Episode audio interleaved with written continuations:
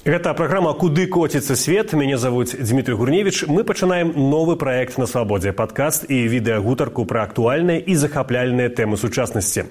Праграма будзе выходзіць двойчы ў месяц і пашырае веда наконт цывілізацыйных праблем палітыкі медыцыны навукі і культуры.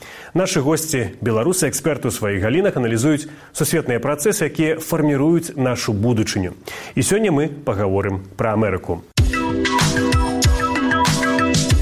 Куды коціцца свет?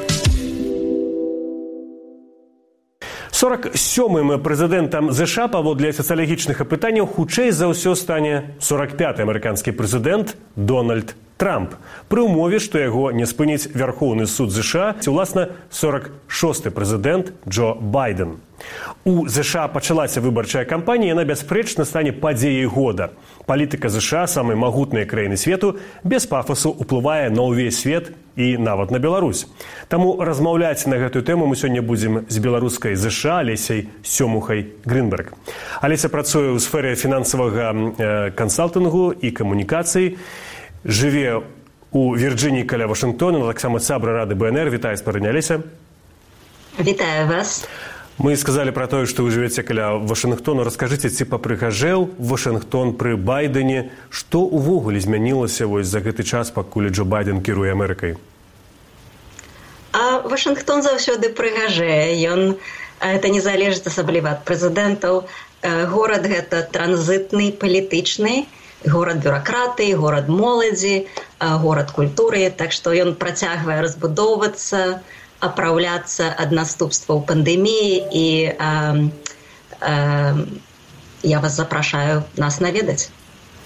Але спачатку перад гэтым раскажыце ці стала жыць у амерыцы за гады кіравання джо байдена больш камфортна і больш бяспечна бо гэта былі таксама адны з абяцанняў прэзідэнта ну ён здолеў зрабіць некалькі рэчаў за апошнія колькі тры чатыры гады амаль так? Я магу іх пералічыць. Скажем ён правёў план стымулявання эканомікі праз розныя выплаты бізнесам грамадзянам. Гэта здолела ўтрымаць эканоміку. І досыць дарэчы істотна часова прынамсі падвысіла пакупніцкую здольнасць грамадства. Гэта падвышэнне трошки было зніжанае з інфляцыі але тым не менш калі паглядзіце беспрацоўе недзе тры з паловай чатыры адсоткі людзі не страцілі свае дамы і укладанні таму у пэўным сэнсе эканамічна можна сказаць што ён даў рады выхаду з этого крызісу пасля пандэмічнага. Ну але высокія крэдытныя стаўкі канешне стрымліваюць прадпрымальніцтва і пакупніцкую здольнасць другая рэч якую ён зрабіў гэта інвеставанне ў інфраструктуру адзін трыльён даляраў. Гэта адбудова дарог, мастоў, воднай сістэмы інтэрнэт. Всё гэта вельмі патрэбнае і краіне і працоўным і бізнесу і дарэчы абедзвюм партыям. Я не ведаю, ці вы ведаеце, але рэспубліканцы таксама спрабавалі правесці падобны ж ну, падобны законапраект, не здолелі і ў гэтым сэнсе яны падтрымалі ініцыятыву байдена.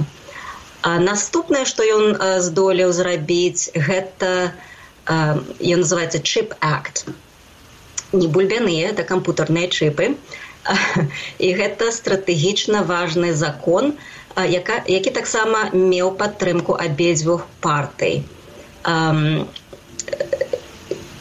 З чым ён звязаны? Пачынаючы з клинтона калі той пусціў развал ссср на самацёк ЗША з таго часу ўсё менш і менш цікавяцца падтрымкай вось это сусветнага парадку бяспекі эканамічнай лягістыкі і ўсё больш засяроджваюцца на, на сабе. І вось это стало больш праяўляцца пры абаму і выбухнула пры трампу байден працягвае знешнюю эканамічную палітыку трампа толькі больш паслядоўна і больш эфектыўна я б сказала. Адзін стратэгічны сектор эканомікі які мае моцную завязку на кітай гэта сырыйныя праваднікі паўправаднікі і яны патрэбныя паўсюль гэта не тыя высокаякасныя чыпсы якія вырабляюцца толькі ў тайване ці паўдзённай карэі але менавіта такія сырыйныя і вось ЗША пачынаюць масавыя інвестыцыі ў гэты вытворчы сектар тут шмат кваліфікаванай працоўнай сілы ў ЗША добрая адукацыя дастаткова крэдытнай магутнасці і вось каб все это вярнуць у заходнюю частку свету ЗША а таксама паўночную паўднёвую Амерыку калі гаварыць шырэй увогуле варта было б канешне чакаць хуткае вяртання многіх вытворчых прадпрыемстваў з Китая у ЗША канаду Мексіку а таксама скажем аргентыну можа іншыя краіны там што ЗША зацікаўленыя кантраляваць свой лінгістычны ланцуг. І ў гэтым сэнсе тут ёсць пэўны працяг палітыкі які якую пачаў трап. Ну, і таксама знешняя палітыка я б сказала. Тут найбольшая розніца у знешнепалітычным кірунку ён байден актыўна перарабляе стратэгічныя альянсы з-за вайсковай пагрозы рассеі вы бачыце пашырэнне нато. І ЗША падтрымліваюць умацаванне вайсковай моцы скажем германії польшчы дзеля большай самадастатковасці еўрапейцаў у пытаннях бяспекі. Давайте еще вот хвілінушку про эканоміку. ЗША бясспрэчна застаецца самай магутнай у эканамічным пляне краінай свету. Але ці адчуваюць гэта грамадзяне? Таму што вось і па сацыялагічных розных даследаваннях і ўвогуле па статыстыцы можна ўбачыць што вельмі шмат амерыканцаў яны незадаволены сітуацыяй у краіне. Зразумела гэта выкарыстоўваюць розныя прапагандысты там у рассіі ці нават у беларусі лукашэнкаўскі паказаць што нібыта ўсё кепска. Зразумела амерыка number one па эканоміцы. Але тым не менш ці яны людзі маюць доступ да ўсяго таго багацця якое вы пералічваеце Ну, комфорт, комфорт канешне, пытанне адноснае. Я вот скажем вам могу прывесці некаторыя некаторыя лічбы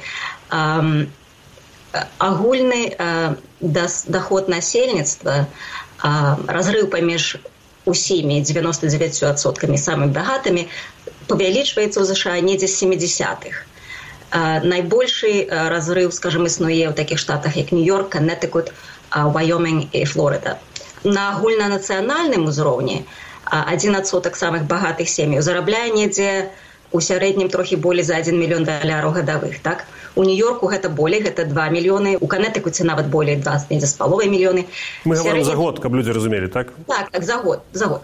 Сярэдні доход рэшты 99 соткаў у нью-йорку скажем недзе 44 45 можа трохі болей зараз тысяч гадавых. І ў канетыце канетыкуце 56 тысяч даляраў гадавых а, але за апошнія два гады гэты разрыў зменшыўся і досыць істотна. Праз усе тыя дзяржаўныя выплаты падтрымку падчас пандэміі і пасля пандэміі. Таму якраз гэты разрыў зменшыўся. Ці можна пражыць комфортна на такія грошы? А, Ну гэта залежыць э, э, чым, чым болей грошай, тым больш комфорту натуральна. І я думаю, што гэта залежыць ад патрэбаў ад патрэбаў людзей ад іх узросту і гэтак далей, дзе яны жывуць у якім штаце.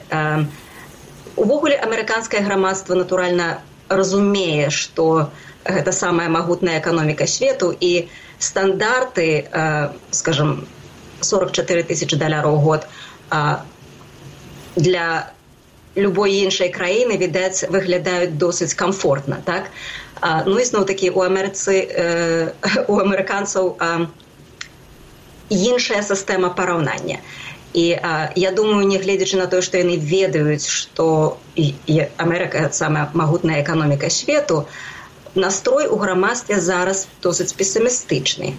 Вось шматлікія пытанні грамадскай думкі апошніх гадоў гэта паказваюць вялікую незадаволенасць і эканамічным і палітычным станам.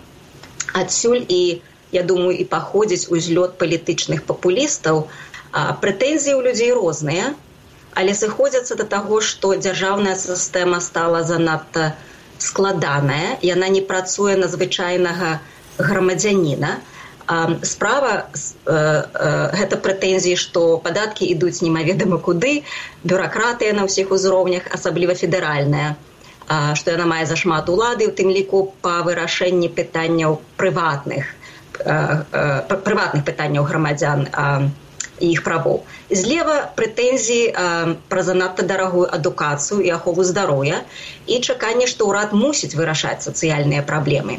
З усіх бакоў незадаволенасць іміграцыйным станам пры абаме легальная эміграцыя вельмі запаволілася пры трамп яна амаль спынілася. І байден працягвае гэтую тэндэнцыю. Яна натуральна патрабуе вырашэння тому что час адноснага сусветнага спакою канчаецца канфлікты будуць нарастаць іміграцыя будзе нарастаць. А заканадаўства тут застыла ў патрэбах мінулага стагоддзя насамрэч. Таму а Алеся, а скажыце а ці вось гэта канфліктнасць не нарастае паміж рознымі часткамі амерыканскага грамадства Таму што мы памятаем і пасля нападу на капітолій шмат гаварылася пра тое што Амерыка фактычна падзеленая 50 на 50 і палярызацыя паміж дзвюмя рознымі часткамі грамадства просто неверагодная на мяжы там грамадзянскай вайны мы еще пра там можа ў канцы паговорым але ці пры байдене штосьці змянілася бо натуральна ён ішоў як прэзідэнт узіх амерыканцаў Я думаю, что поляризация протягивается. Я думаю, что поляризация как раз выкликанная часом. И, и Байден, и Трамп эту полярыз... на эту поляризацию реагируют. И она выкликана тем, что свет меняется. Та глобализация ці тэндэнцыя да глебалізацыі якую мы бачылі за апошнія 50-70 гадоў. Яна мяняецца. Інтэрас ЗША мяняецца. Ён больш э, краіна больш не хоча э, быць такім падтрымальнікам сусветнага эканамічнага апарата. дзе узоляцыянізм такі. Такі рэгіяналізм. Я б не сказала я б не назвала гэта ізаляцыян о господи. Э, я б назвала гэта рэгіяналізмам ЗША будуць кантраляваць і лагістычную сістэму і сістэму бяспекі, але больш рэгіянальна і больш з улікам сваіх уласных інтарэсаў, не абавязкова з улікам інтарэсаў усяго свету. Скажем, таму ціск на Еўропу на тое, каб Еўропа сама дбала пра сваю болей дбала пра сваю бяспеку. Тое самае з усходам скажем бачыце якія тэндэнцыі зараз у паўдзённай скажем кареі і, японіі. Таксама ідзе ціск на тое каб гэтыя краіны перагледзелі свае сістэмы уласнай бяспекі так? Таму ЗША будуць працягваць гэтую палітыку але больш у такім рэгіянальным кантэксце і ў кантэксце таго што цікава ЗША а не ўсяму свету. Алеся а за што апаненты прэзідэнта байдена найбольш яго не любяць ненавідзяць крытыкуюць? Вот чтобы вылучылі якія ну нумар адзін?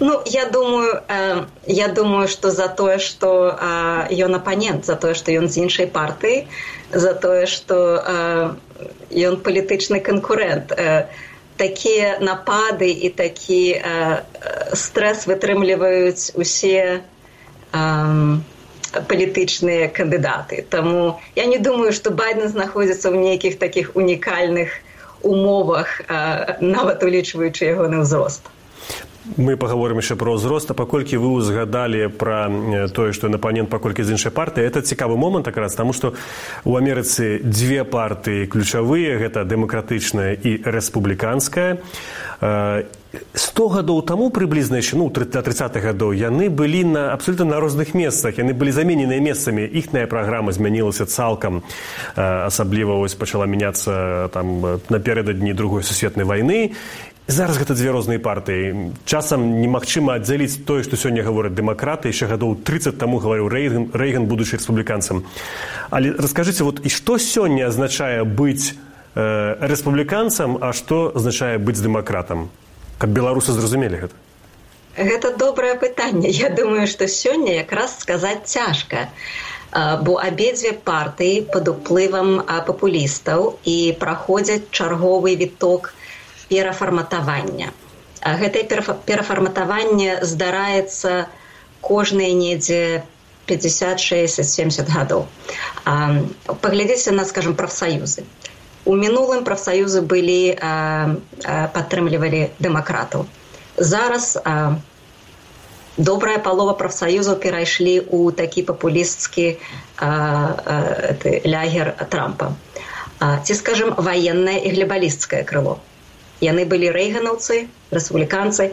Зараз гэтая частка якая галасуе супроць рэспубліканцаў. Рэспубліканцы якія галасуюць супроць рэспубліканцаў. Там што яны бачаць а, наступствы такое ізаляцыянісцкай палітыкі э, на, на сусветны парадак так? Этнічныя меншасці таксама галасуюць неадназначна. Яны былі на баку дэмакрату э, зараз гэта неадназначнае пытанне. Мексіканскія эмігранты напрыклад займаюць досыць антыэміграцыйную пазіцыю а, а бізнес праэміграцыйную тое самае паглядзіце падаткі і дзяржаўная пазыка. Яны і падаткі і дзяржаўная пазыка зараз растуць і за і за рэспубліканцамі і за дэмакратамі. Свет мяняецца. Я думаю што вось гэта Амерыка больш засяроджваецца на, на сабе і сваіх патрэбах і, э, і партыі рэагуюць на гэта па-рознаму і шукаюць э, шукаюць новых падыходаў і выйсцяў. Усе тыя э, э, кааліцыі, якія існавалі традыцыйна і ў рэспубліканскай і ў дэмакратычнай партыі, яны зараз пераглядаюць свае э, патрэбы і пераглядаюць свае э, э, будучыя крокі. Ці можна сказаць адназначна, што, напрыклад, рэспубліканцы не хочуць падтрымліваць Украіну, Таму што прэзідэнт былы Трамп гаворыць вельмі абцякальна на гэты конт. Як бы ён гаворыць, што спыніў бы вайну і, і ягоная партыя пераважна найблакуе пакета дапамогі ў зараз апошні ўкраіне.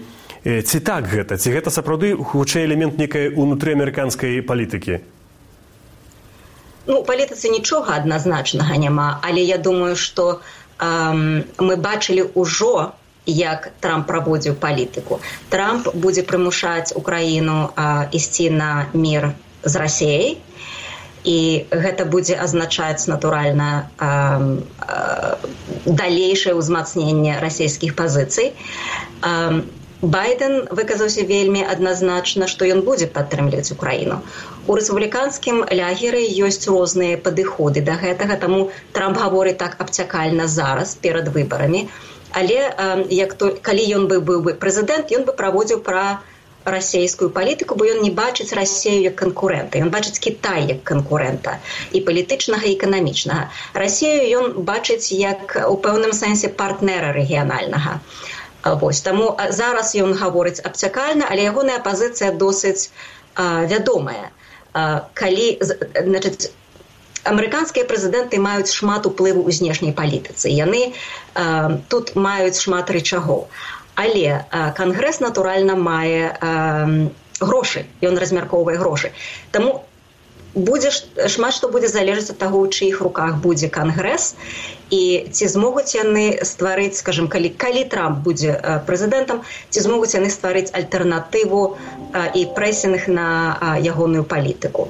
І тое самае зрэшты пры байдане таму ізноў такі тут ёсць пэўны тренд так? Мы ведаем што байден будзе падтрымліваць украіну і мы ведаем што трамп будзе падтрымліваць рассею але наколькі гэта будзе эфектыўна гэта пытанне раскладу палітычных сіл у многіх у, у кангрэсе у сенаце і гэтак далей. Таму Таму тут будуць тут будуць нюанс, нюансы.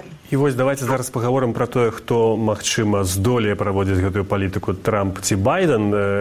Ужо можна сказаць выбарчая кампанія ў амерыцы ідзе. На вашу думку ці штосьці можа змяніцца тут у канкурэнцыі паміж байденам які заявіў пра тое што пойдзе на выбары і трампам?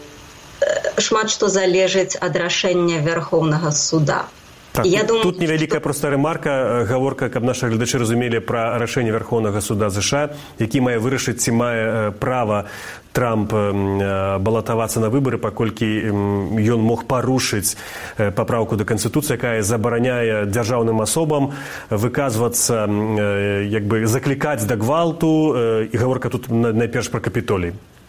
На маю думку у двубоі байден трамп калі трамп атрымае магчымасць быць на, калі трамп атрымае магчымасць балятавацца я думаю што паўторацца вынікі 2020 году. І можа нават з большым адрывам байдена. За апошнія чатыры гады трамп не займеў больш прыхільнікаў ён хутчэй страціў болей незалежных выбарцаў і некаторых рэспубліканцаў. Паглядзіце на прамежкавыя выбары ў 2022 годзе. А, яны а, паводле лёгікі гістарычнай мусілі даць большасць галасоў рэспубліканцаў гэтага не адбылося людзі галасавалі супроць рэспубліканцаў таму што яны баяліся прыходу большага пратрампаўскай кааліцыі. Трамп быў заняты крымінальнымі справамі бясконцамі крыўдамі ўсім гэтым перажоўваннем старых і непадмацаваных фактамі месседжаў пра скрадзеныя галасы. Ён страціў мегафон у сацыяльных сетках ягоная пазіцыя па рассей і нато і все гэта робіць кандыдатуру трампа менш прывабнай для часткі рэспубліканцаў і незалежных выбарцаў.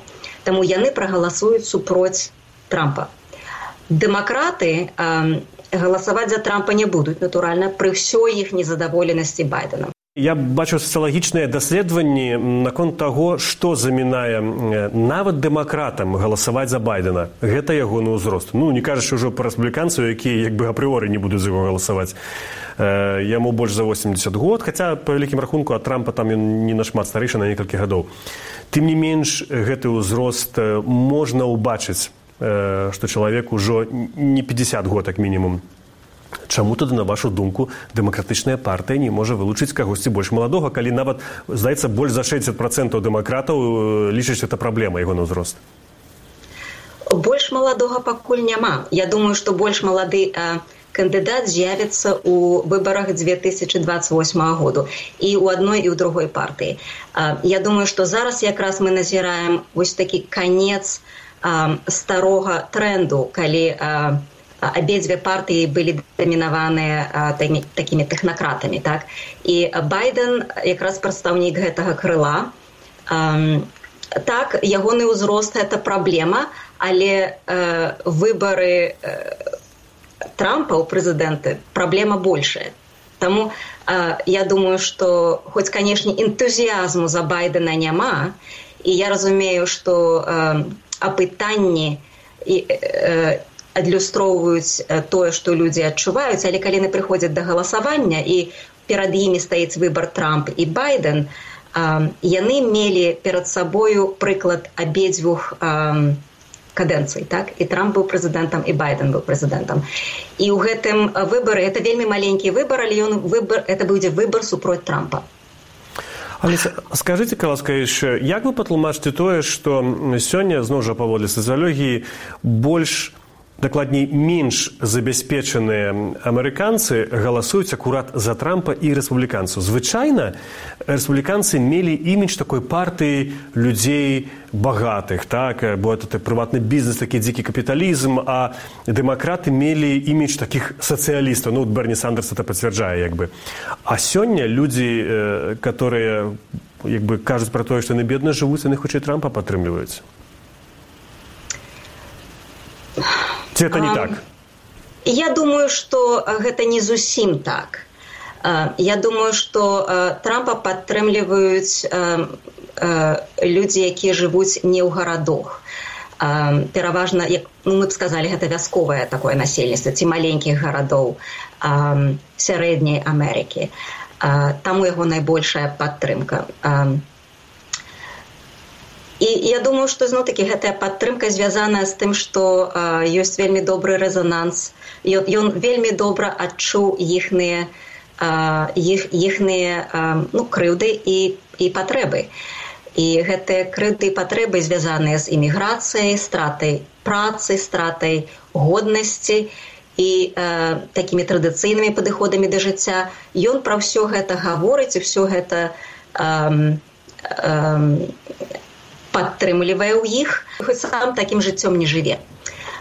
Таму у гэтым сэнсе это такі больш вельмі эмацыйны добры рэзананс які ён здолеў хапіць і на ім грае. Але я б не сказала што ізноў такі малазабяспечаныя слаі насельніцтва адназначна галасуюць за рэспубліканцаў. У гарадах калі вы паглядзіце гэта гэтыя галасы ідуць у бок дэмакратаў Зараз самая вялікая інтрыга амерыканскай палітыкі бадай гэта вось рашэнне верхоўнага суда так наконт удзелу трампа ў выбарах. Нагадаю гэта гаворка ідзецца пра 14 паправку канстытуцыі якая забараняе удзельнічаць выбарах людзям которые заклікалі да паўстання. Ну афіцыйна лічыцца недакладней неафіцыйна лічыцца а апанент трампа лічыць што яго ўдзел у гэтых беспарадках каля капітолія можа быць гэтай падставай расскажыце як якое рашэнне можа прыняць канституцыйны вярхоўны суд? Таму што туды нават сам трамп прызначаў суддзя. Ну такая ў амерыцы як бы традыцыя і такія правілы. І вось калі чалавек ну магчыма не з беларусі але з заходняй Еўропы чуе пра тое што там частка суддзяў кансерватыўная частка ліберальная і яны паводле сваіх поглядаў могуць прымаць рашэнне. Ну прынамсі так часта прапаганда сцвярджае.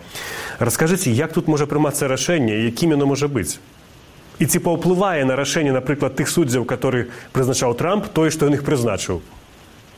Бо это дзіка гучыць. Гэта, гэта вельмі складанае пытанне. Як вы ведаеце закон у штатах падлягае трактоўцы калі няма ранейшага яснага прэцэдэнту.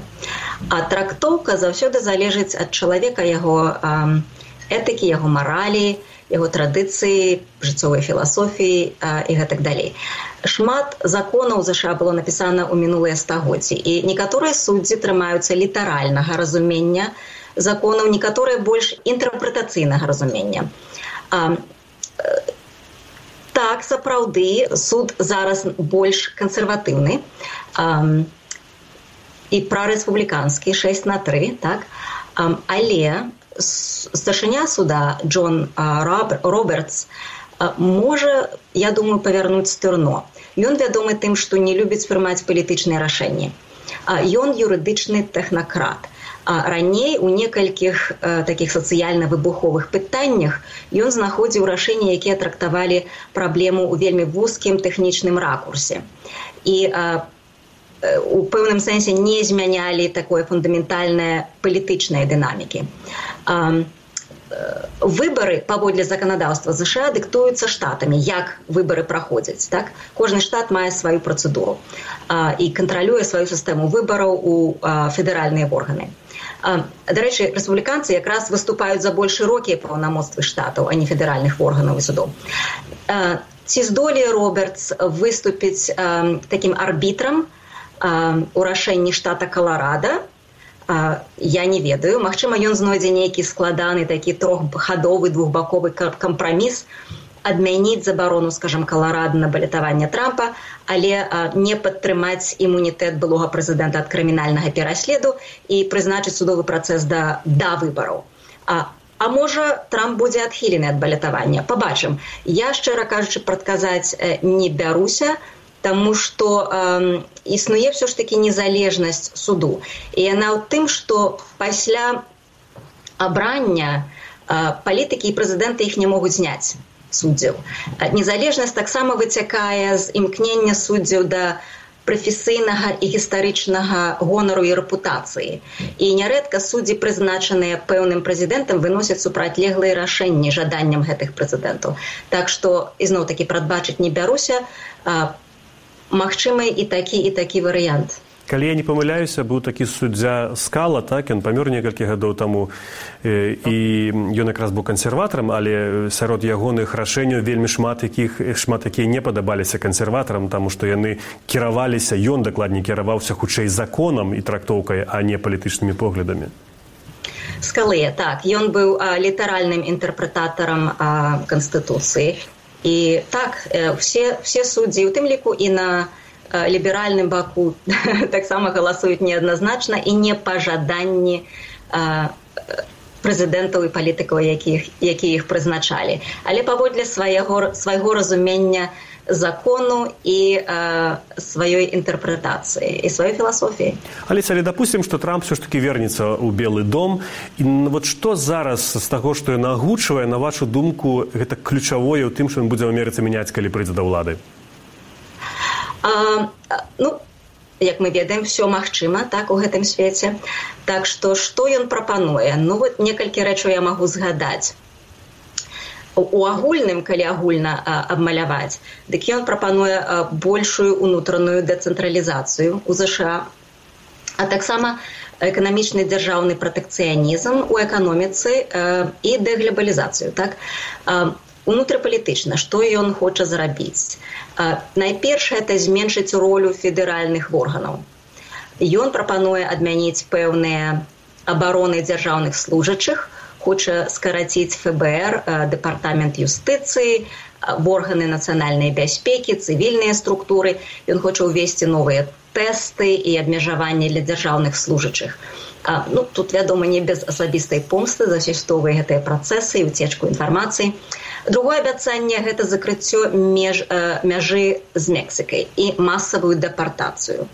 Ён фактычна прапануе перапрафіляваць частку фбр на змаганне з эміграцыяй нелегальнай эміграцыі ну і сцяна гэта ягоная ягоны сімбаль у пэўным сэнсе вядома таксама абмежаванне выдачы віз з мусульманскіх асобам з мусульманскіх краінаў ён таксама прапануе абмежаваць аўтаматычнае наданне грамадзянства на людзям народжаным у заш... дзецям народжаным у ЗША ад нелегальных мігрантаў. У сферы гандлю ён прапануе тарыф, здаецца гэта 10соткаў на большасць замежных тавараў. Ён прапануе чатырохгадовы план эканамічнага разрыву з Китаем і змяншэнне імпарту электронікі, сталі медычных прэпаратаў. Тут, дарэчы, план байдена вельмі падобны у таксама ў знешняй палітыцы мы ўжо гаварылі пра гэта трошкі. Трамп абяцае прымусіць украіну да міру з рассеяй і гаворыць пра тое што еўропа мусіць кампенсаваць ЗША за трату нашага ўзбраення ва ўкраіне. У сферы энергіі ён прапануе змяніць па-першае павялічыць бурэнне на федэральных землях і даць больш падаткавых ільготаў традыцыйным энергетычным сектарам газу, нафце, вуглю і так далей. Хоча адмяніць некаторыя стандарты на забруджванне атмасферы і зменшыць зялёныя ініцыятывы. Ну і у, у культурнай сферы тое, што будзе распаўсюджана па ўсіх сацыяльных сетках натуральна і ў сродках масавай інфармацыі, это ягоны фокус на рэформе адукацыі і змаганні з такімі культурнымі сацыяльнымі зменамі апошніх часоў і скажем дапамозе меншасцям гэта будзе мець найбольш разгалосу відаць таму што гэта кранае кожнага чалавека гэта такое лякальнае пытанне. А ці ў байдена ёсць нейкія такія падобныя скажем пункты? Той што вы назвалі яно вельмі зразумелае так і выбарцам у любому чалавеку. Э, байден калі ішоў на выбор то ён таксама агучваў барацьба з ковідам ну ковід уже практычна мінуў. Э, таксама там былі змены клімату але гэта ўжо такая тэма которая не выклікае хутчэй ажыятажу таму што усе ведаюць што гэта праблема все змагаюцца і як бы насцягвае несці дастаткова дзіўна ўжо ў новай кадэнцыі. Што ў байдена вось такія ключавыя ну сцяг на выбарах? Я думаю што гэта будзе працяг таго што ён зараз робіць адзінае што ён хоча паспрабаваць зрабіць все ж таки яшчэ раз гэта адмяніць пазыкі федэральныя пазыкі за навучанне. Ён таксама відаць паспрабуе ізноў такі штосьці зрабіць з рэформай эміграцыі. Але збольшага ён будзе працягваць тую палітыку якую праводзіць зараз.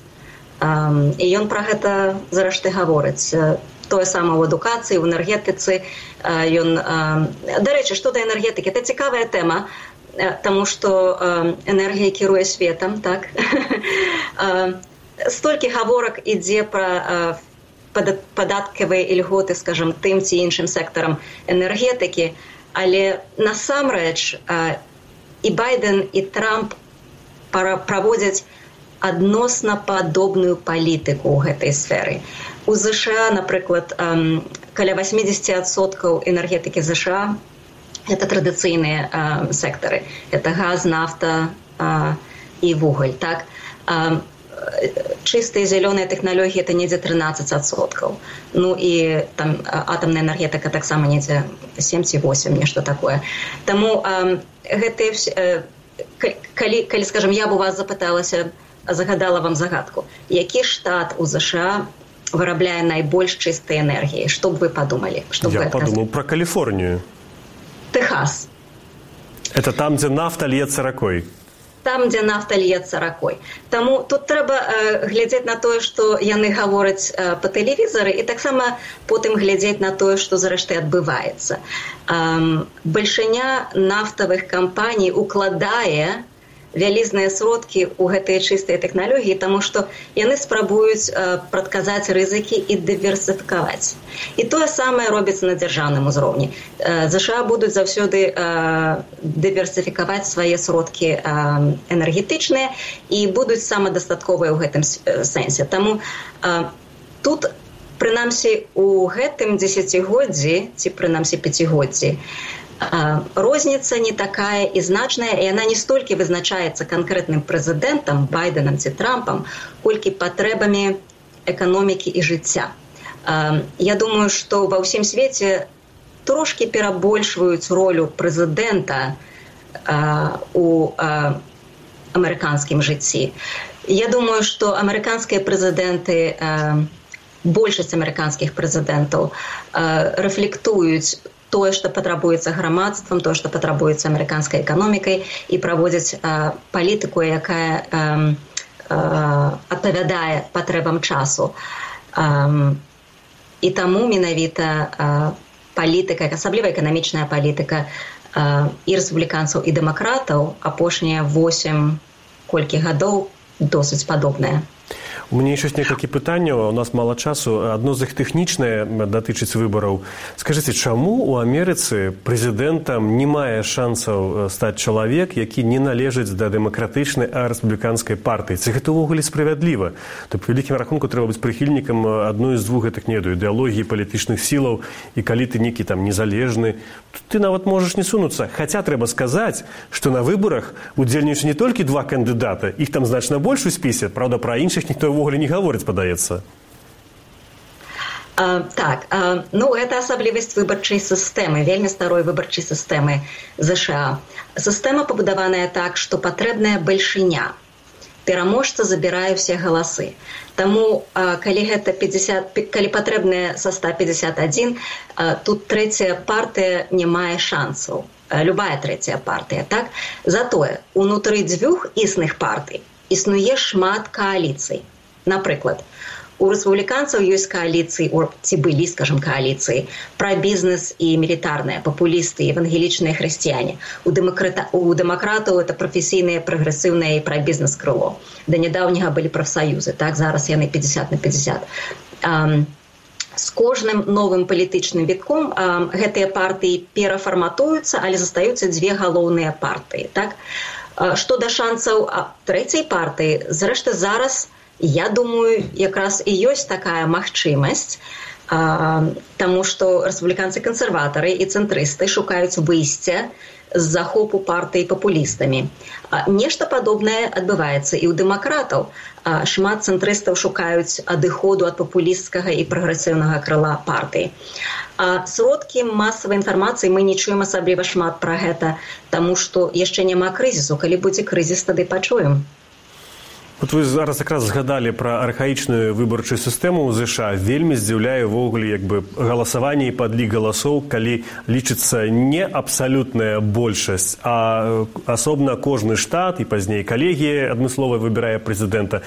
І атрымліваецца што вельмі часта большасць амерыканцаў хоча галасаваць за аднаго кандыдата а ён не можа перамагчы таму ж такая сістэма. Ці ўвогуле гэта самі амерыканцы лічаць праблемы ці ёсць нейкі скажем рух каб гэта змяніць шмат хто лічыць гэтай гэта праблемай. Давайте таксама падзелім выбары у прэзідэнта і выбары у кангрэсе сенат. Это розныя рэчы. Скажем так прэзідэнта абірае электаральны каледж. Скажем я як грамадзянка ЗША непасрэдна за прэзідэнта не галасую. Гэтай галасы ідуць да штату якім я жыве жыву і потым гэты штат мае, мае пэўную квоту. У кангрэс выбіраецца і ў сенат людзі выбіраюцца непасрэдна і гэта прапісана ў канстытуцыі. Як яны выбіраюцца? Гэта не прапісана таму кожны штат мае свае правілы. Канстытуцыя толькі вымагае каб гэта гэтыя выбары былі непасрэдна грамадзянамі зробленыя і вы маеце рацыю роўнасці ў штатаў таксама няма ну вось напрыклад возьмеце аляску і тэхас так? Аляска штат у якім недзе 400 тысяч людзей жыве. Яны маюць тры электаральныя галасы для выбару прэзідэнта. Техас мае недзе каля 30 мільёнаў ці можа быть я тут памыляюся і яны маюць недзе 29 электаральных галасоў прапорцыйна гэта нероўна у пэўным сэнсе аляска голас грамадзяніна ў алясцы важыць болей чым голас грамадзяніна ў тэхасе. Гэта дэмакратыя гэта такая гэта такая сістэма. Значыцца сапраўды ёсць ёсць спробы гэтай рэформ рэфармаваць эту сістэму. Была спроба з боку дэмакратаў каб скажем прынамсі аблегчыць галасаванне зменшыць патрабаванні да таго якія дакументы людзі могуць прадастаўляць. Рэспубліканцы мелі сваю свой падыход да рэформы. Яны хацелі павялічыць і павялічылі ролю скажем карпорацыі і грошаў у у выбарчай кампаніі. Былі таксама спробы абмежаваць перадзел выбарчых акруг. Кожныя 10 гадоў праводзіцца перапіс насельніцтва і гэты перапіс уплывае на тое як перакройваюцца гэтыя выбарчыя акругі. І звычайна гэтым займаецца штатаўская штатаўскія органы ўлады. І калі скажем нейкая група насельніцтва вырасла паводле гэтага перапісу каб, каб абмежаваць іхны ўплывы іх могуць пераразмеркаваць па розных гэтых выбарчых акругах і зменшыць іхны сапраўдны ўплыў. Таму так гэта, гэта праблема змены патрэбныя, але гэта вельмі складана, таму што цяперашнія партыі не асабліва зацікаўленыя ў трэцяй партыі. І зноў такі мажарытарная сістэма яна яна амаль патрабуе матэматычна двух партый. Выбарцы таксама нейк іншай сістэмы не ведаюць. Это сістэма, якая існуе ўжо доўгія доўгія доўгія гады. Існуе таксама праблема голасу грамадзяніна і раўнапраўнасць раўнапраўнасці штатаў. Значит, тут ёсць пэўны канфлікт. Ці мой голас мусіць быць роўны з голасам, скажем, любого грамадзяніна ў і ў якіх сітуацыях так? І раўнапраўнасць штатаў для ЗШ вельмі важна это федэратыўная краіна. І таму аляска мае тры галасы. Але зараз многія штаты эксперыментуюць са сваімі выбарчымі правіламі. І калі вы паглядзіце на все 50 штатаў ёсць маса варыянтаў галасавання э, за кандыдатаў. Э, мы пабачым э, я думаю, што вось гэтае дзесяцігоддзе якраз і прынясе змены э, і эканамічныя змены і палітычныя змены і э, якія яны будуць я прадказаць не рашуся, але нейкі з гэтых эксперыментаў можа э, стаць правілам для ўсіх. Тут трэба яшчэ таксама зрабіць за ўвагу, што хаця там і дзве партыі злучаных штатах, ўсё ж такі гэта такія парасонныя партыі, якія вельмі розныя лягеры маюць пад сабой. У тых жа рэспубліканцаў ёсць людзі, которые не падтрымваюць трампа, ёсць цэлая група. быў кандыдатам нябожчык Джон Маккейн, который у прынцыпе нават быў паводле многіх бліжэйшы да дэмакратаў цяперашніх, чым класічных рэспубліканцаў, якіх прадстаўляе зараз трамп. Алеся, а яшчэ пытанне вы сябра рады БНР беларуска ЗША скажите а ці можна ўвогуле сказаць за каго беларусы галасуюць у амерыцы ёсць нейкая вось большасць я думаю гэта вельмі цікавае пытанне і раней адказ быў больш адназначны. Раней мне здаецца галасавалі больш больш рэспубліканцаў. Думаю зараз 50 на 50 але я дакладна сказаць не магу. Гэта відаць залежыць ад таго якія беларусы дзе яны жывуць у якім штаце і ў якой мясцовасці ў гэтым штаце. А маладыя і старэйшыя так напрыклад. Бо все-таки я, я разумею старэйшая частка эміграцыі яшчэ пасляваенная яна ўжо амаль уся адышла ў нябыт але яшчэ старэйшыя людзі ёсць. А як у тыя которые прыязджалі пасля 90-х ізноў такі я, я пра, пра іх пераважна і гавару што я, гэта можа быць 50 на 50 это залежыць. Партыі цяперашнія партыі маюць настолькі шырокі і незразумелы незразумелыя пазіцыі што можна што цяжка галасаваць за поўны пакет. Людзі выбіраюць нешта што ім самае блізкае з пазіцыі партыі скажем для кагосьці вельмі важная знешняя палітыка так?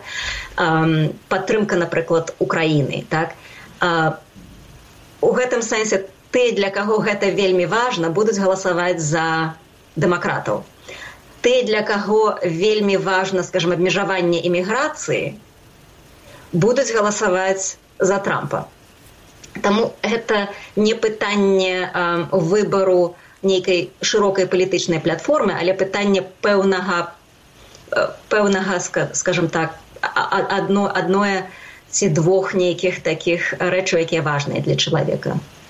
Аліса і апошняе пытанне. Вельмі шмат і яшчэ нават да падзею каля капітолія да гэтых беспарадку. Гаварылася пра тое, што э, амерыканцы палярызаваныя мы сёння пра гэта ўзгадвалі вы гэта пацвердзілі і што нібыта амерыцы можа нават пагражаць грамадзянская вайна зразумела зноў жа прапаганда гэта вельмі ахвотна падтрымлівае і крамлёўская і лукашэнкаўская але пра гэта кажуць не толькі прапагандысты пра гэта ў амерыцы пішуць дактараты і кніжкі самі амерыканцы. На вашу думку колькі ў гэтых словах вот ёсць нечага рэальнага а колькі ўсё ж такі хутчэй фантазія або нейкіх страхаў падзел заўсёды быў падзел ёсць і зараз. Зараз ёсць шмат незадаволенасці хоць у гістарычным кантэксце гэта канешне у пэўным сэнсе смешна. Але ізноў такі это незадаволенасць ідзе ад зменаў. Я не бачу ніякіх перадумоваў грамадзянскай вайны. І даляр застанецца моцны і нікуды ён не сыдзе. А это беларуская валюта як вядома даляр Я думаю, што ў час выбараў будуць хваляванні. Я думаю, што могуць быць нейкія лякальныя беспарадкі, але не грамадзянская вайна. Тэхас супроць Каліфорніі не. Ну можа, можа нейкі атрад са зброі захопіць нейкі будынак недзе там у арыгоне, як гэта ўжо бывала ў розныя часы. Але розніца ў паглядах, мне здаецца, будзе вырашацца збольшага у рамках канстытуцыйнай сістэмы. Таму Трамп апелюе да судоў і сістэма будзе мяняцца, рэфармавацца безумоўна. Калі я кажу пра сістэму, я маю на ўвазе федэральную найперш сістэму, што будзе ўваходзіць у яе кампетэнцыю ў будучым, як яна працуе на грамадзян. Амерыка гэта краіна інавацый. Амерыканцы прыдумалі сваю нацыю і ўсю сваю гісторыю, абнаўляюць гэта паняцце, рэфармуюць яго і вынаходзяць, новыя шляхі да лепшага быцця. І тады каб паставіць кропку ўсё ж такі беларускае пытанне але вельмі аб'ектыўна паспрабуйце на яго адказаць нягледзячы на ваши палітычныя сімпаты хаця тут яны амаль не прагучалі або зусім не прагучалі скажитеце ці можна сказаць што некая з гэтых дзвюх партый больш пра беларускае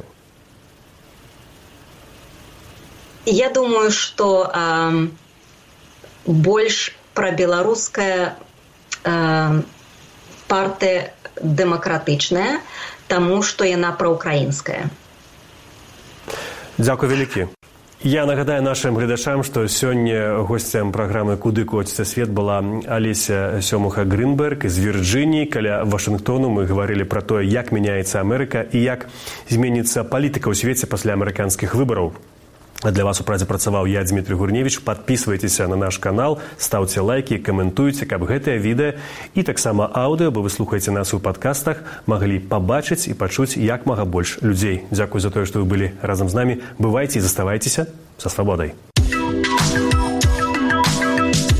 Куды коціцца свет?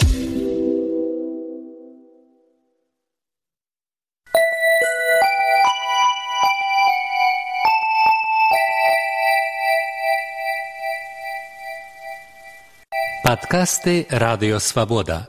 Мова пра мову з вінцуком вячоркам.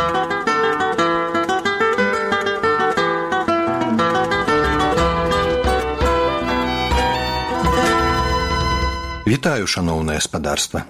Каталёнскі атляс 1375 году гэта ілюстраваны атляс свету, аўтарства вядомых картографаў і кніжных ілюмінатараў, гэта значыць майстроў упрыгожваць кнігі бацькі і сына абрагама і ефуды крэскесаў якія жылі на выспе маёрка атляс катала укладзены для падарунку французскаму манарху каралю шостаму. Цяпер захоўваецца ў нацыянальнай бібліятэцы францыі. Мова атлясу каталянская.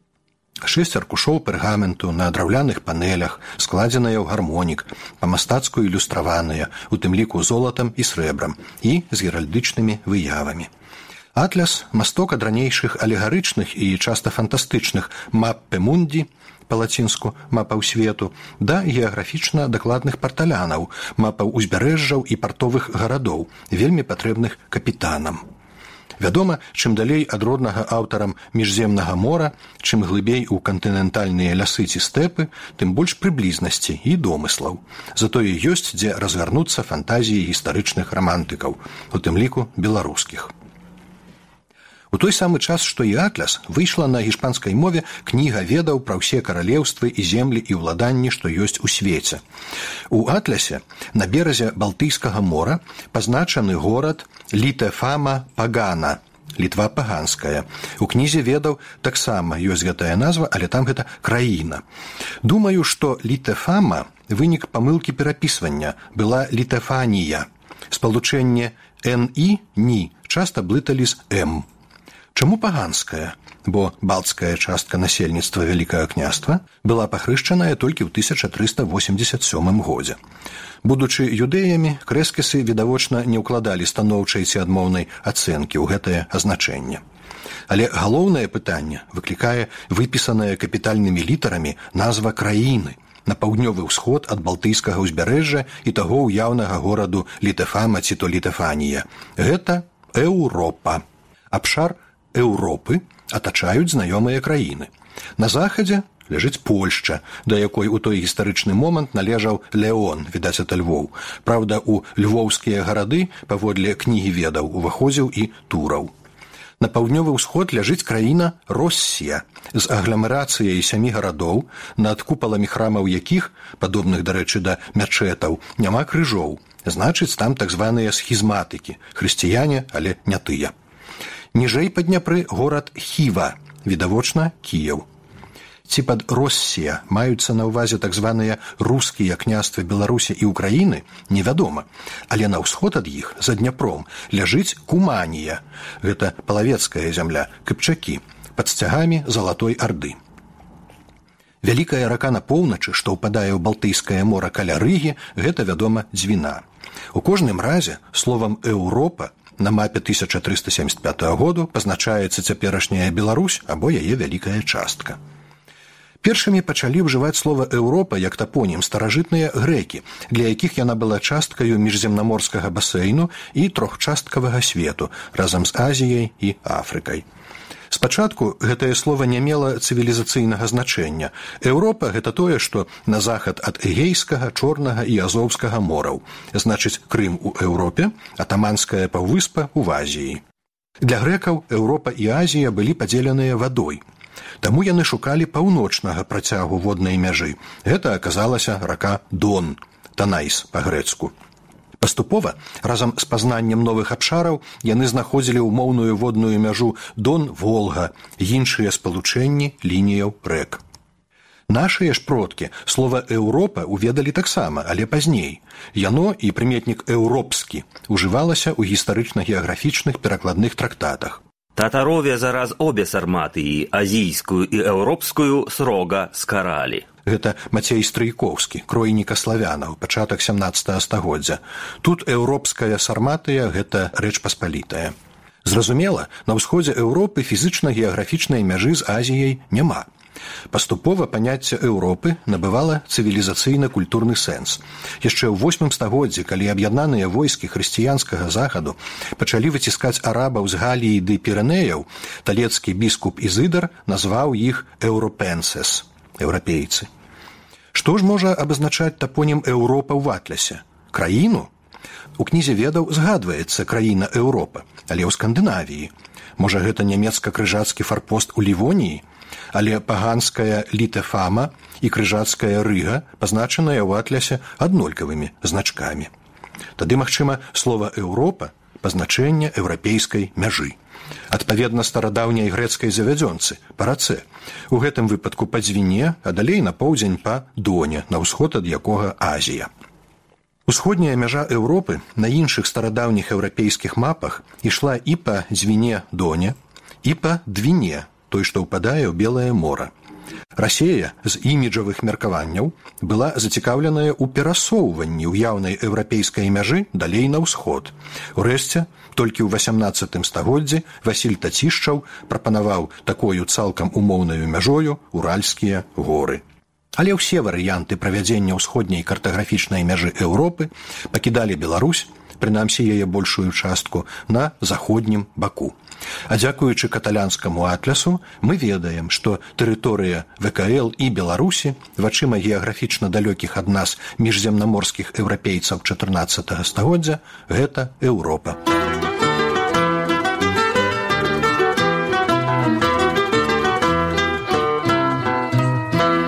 Мы ўжо разважалі пра нечаканыя для беларусаў тапанімічныя знаходкі ў каталёнскім атлясе 1375 году.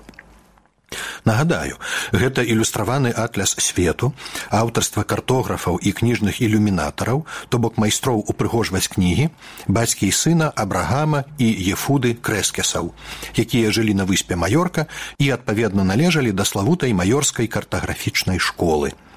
Атляс катала укладзены для падарунку французскаму манарху каралю шостаму. Цяпер захоўваецца ў нацыянальнай бібліятэцы Францыі. Атляс з шасці аркушаў пергаменту на драўляных панелях ілюстраваны у тым ліку золатам і срэбрам і з геральдычнымі выявамі. Поўдзень сверху гэты картаграфічны твор блізкі да геаграфічна дакладных парталянаў мапаў узбярэжжаў і партовых гарадоў вельмі патрэбных капітанам сапраўды ў атлясе ўзбярэжжы паказаныя даволі дэталёва і відаць адпаведная эпося дакладна Тагачасныя картографы міждзяржаўных межаў не паказвалі, а палітычная прыналежнасць зямлі ці гораду тут пазначаецца сцягам ці гербам. І вось на еўрапейскай старонцы атлясу, той, дзе і Беларусь, над крымам на фоне чорнага мора лунае вялікі бел чырвона-белы сцяг, выкананы на срэбры чырвонаю эмаллю. Адкуль ён? Над пераважна крымска-татарскім, а да таго грэцкім і гоцкім крымам, Няўжо яго там паставілі нашыя чумакі, што хадзілі ў крым пасоль, ды там і засталіся, але ж іхныя валы? З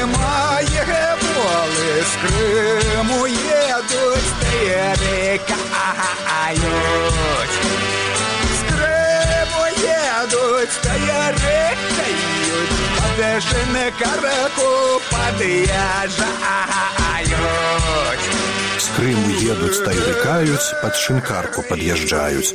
Значыць вярнуліся такі ў беларусь. Дрэўка сцягу уваткнутая ў крымскую зямлю ля гораду кафа феадосія з 13 по 15 стагоддзя кафа як і шэраг іншых гандлёвых паселішчаў на крымскім узбярэжжы належала генуэскай рэспубліцы. Прычым кафа была акурат сталіцаю газарыі шматлікіх валоданняў генуі на чорным моры. У тым ліку цяперашніх балаклавы і сочы Часткова генуя адваявала пасля бізантыйскую спадчыну канкурэнта венецыі. Кафу перадаў генуі ў валоданне мангухан намеснік залатой арды ў крыме. Ханы давалі калоніям поўнае самакіраванне хаця канфлікты бывалі.